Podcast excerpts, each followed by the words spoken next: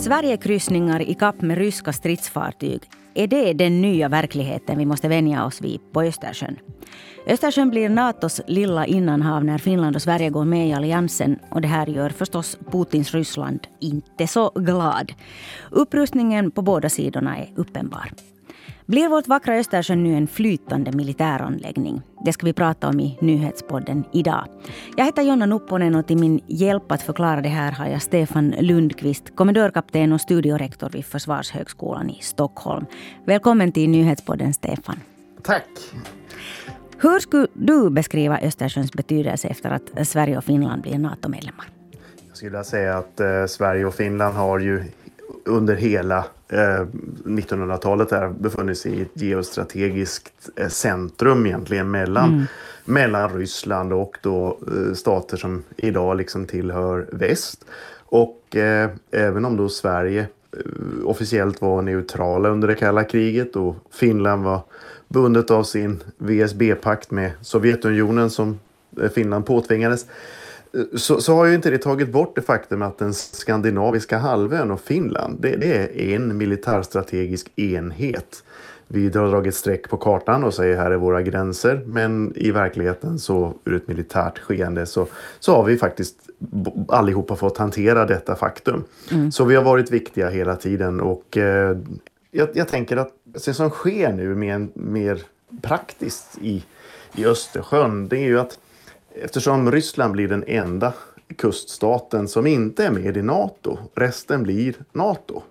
Eh, och Ryssland har ingen gynnsamt läge för sina baser i Östersjön utan det är ju Kaliningrad och, och Kronstadt inne i, långt in i djupt inne i Finska viken vid Sankt Petersburg. Och eh, här har ju Sverige och Finland möjlighet att gemensamt kunna genomföra en marin blockad av de här basområdena här. Mm. Men det som händer med styrkorna som ligger ute med, med de stridsflygplan, de spaningsenheter som är på ytan och under ytan så ökar ju medvetenheten i Nato om vad som händer i luften, på marken och under ytan.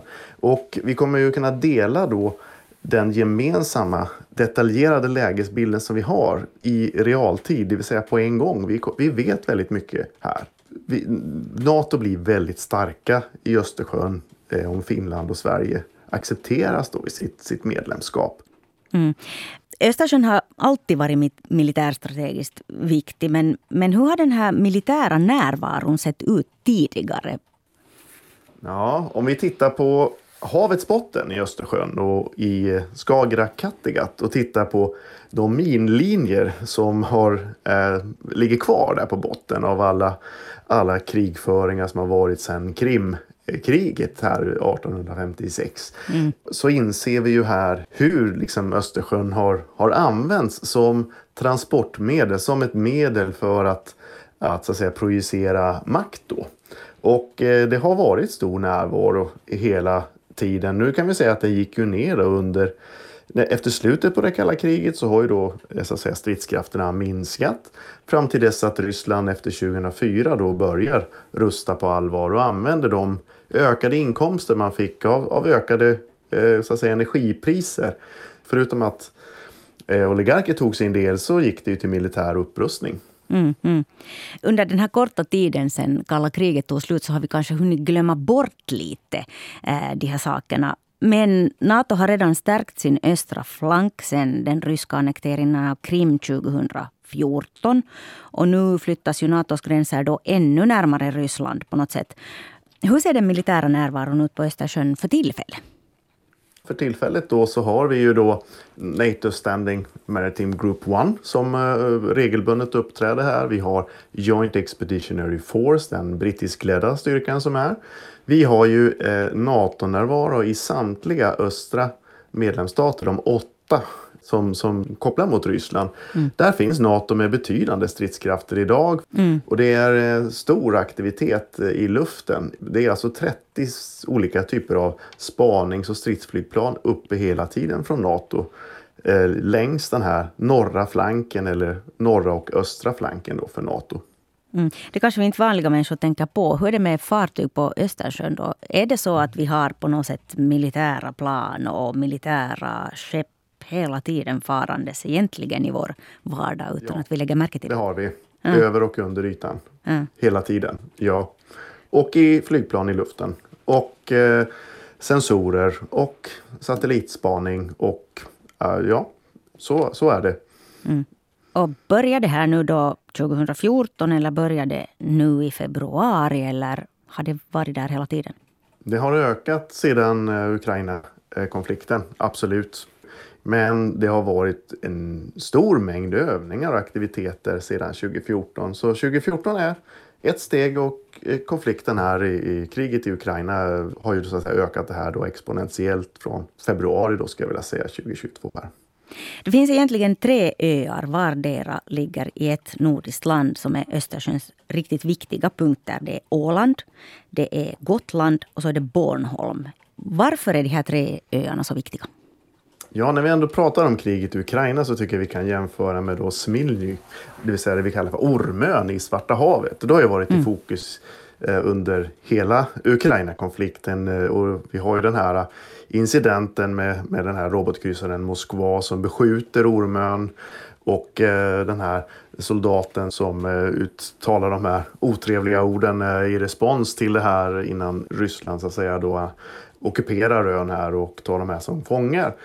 Men den som kontrollerar Åland, Gotland och Bornholm, de kan ju precis som vid Ormön då, när som helst blockera civila fartygs rörelser i alla riktningar kring området kring de här öarna. Då.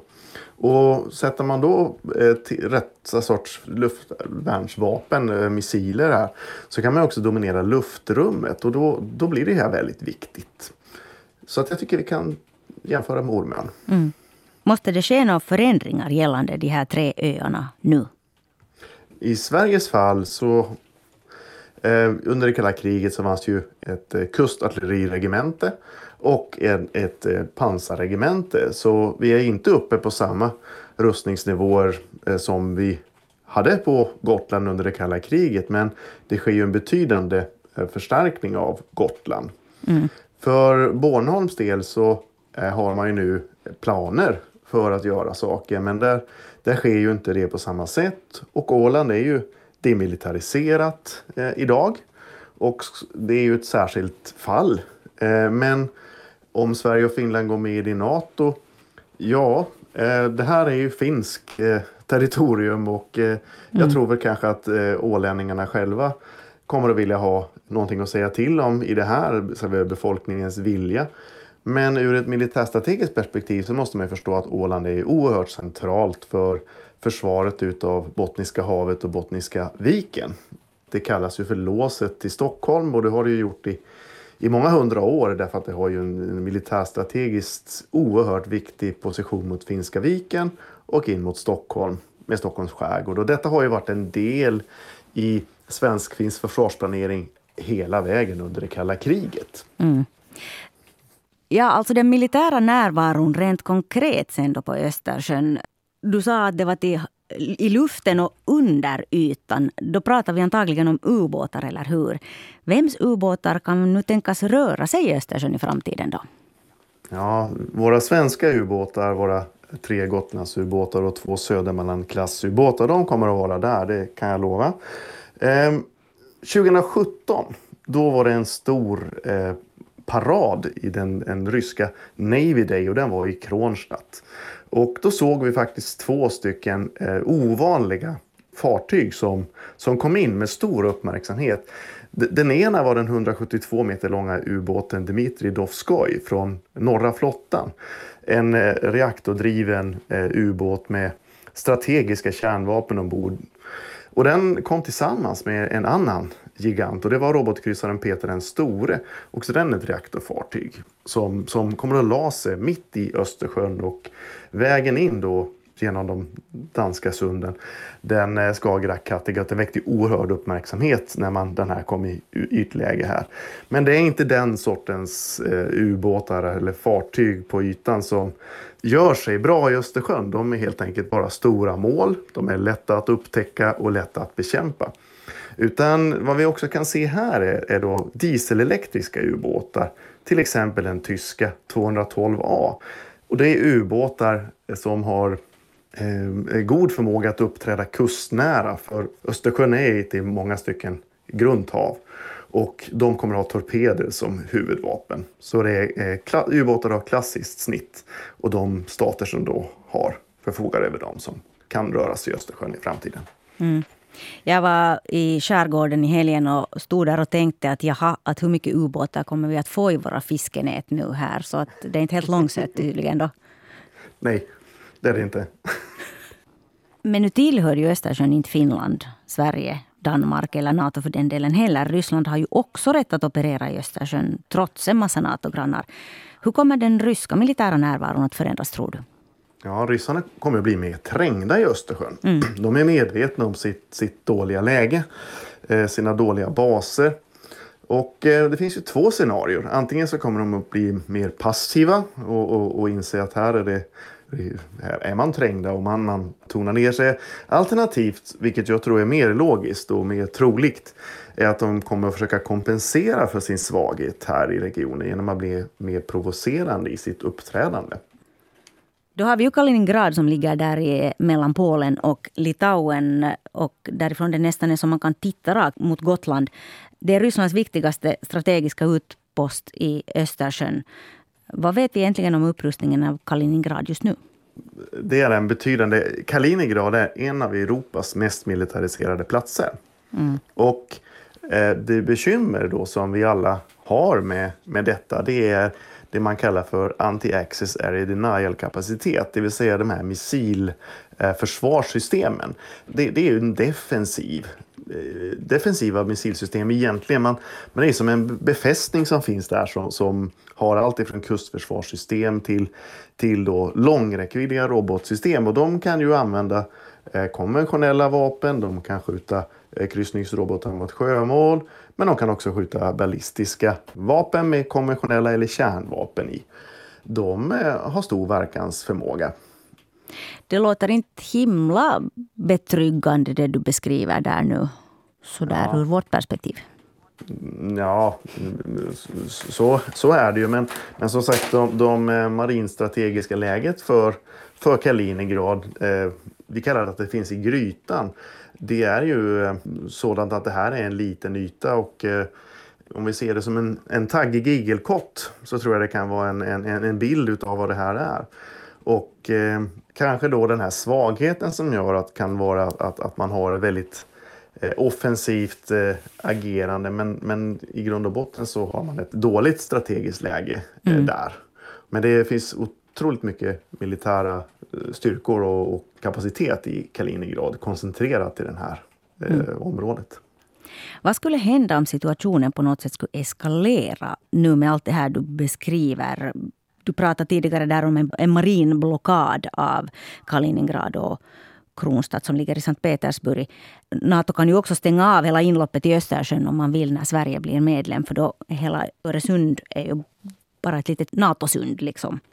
Under det kalla kriget så var det ju just det här man tänkte, det senare scenariot som du säger, att stänga av Öresund, Skagerrak, Kattegatt och hindra Ryssland från att komma ut. I, idag skulle jag vilja säga att alla vill hålla det öppet. Även eh, NATO och även Ryssland. Så det finns något, ett gemensamt intresse av att hålla det öppet.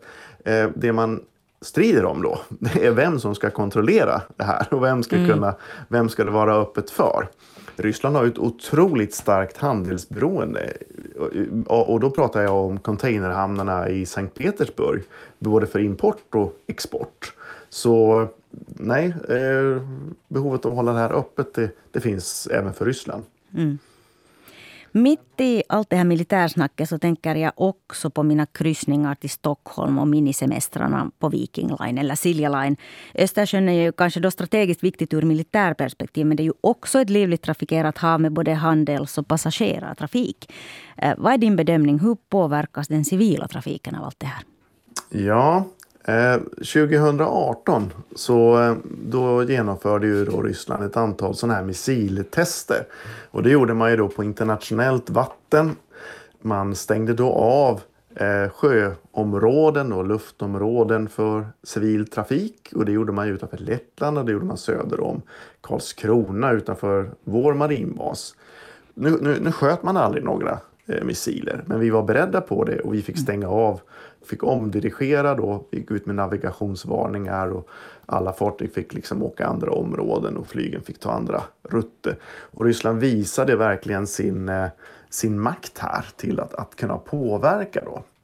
Och eh, det här tror jag nog vi kommer att kunna se igen. Det är typ uppträdande för att kompensera för sin svaghet. Att man i, i sann anda av uh, den här kinesiske militärstrategen Sun Tzu att är du svag så ska du visa dig stark. Och det har ju Ryssland väldigt mycket anammat och förhåller sig till. Mm.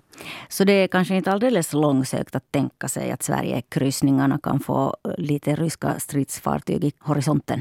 Men, men liksom... Jag tror att vi kommer att se påverkan på, på civil sjötrafik, ja. Mm. Men jag tror främst att man kommer att, att annonsera det här och visa att Ryssland också har rätt att uppträda. Eh, man har rätt att öva och man kommer att lysa av stora övningsområden i Östersjön på internationellt vatten där man kan visa upp sin makt och sin förmåga och därmed tvinga oss att, att anpassa vårt beteende militärpolitik mer än kanske verkligt hot? Ja, det tror jag. Absolut. Stefan Lundqvist, tusen tack för den här analysen. Ja, tack. Jag heter Jonna Nupponen. Nyhetspodden från Svenska Yle produceras av Ami Lassila. Tekniker idag Risto Salonpää. Fortsätt lyssna på oss.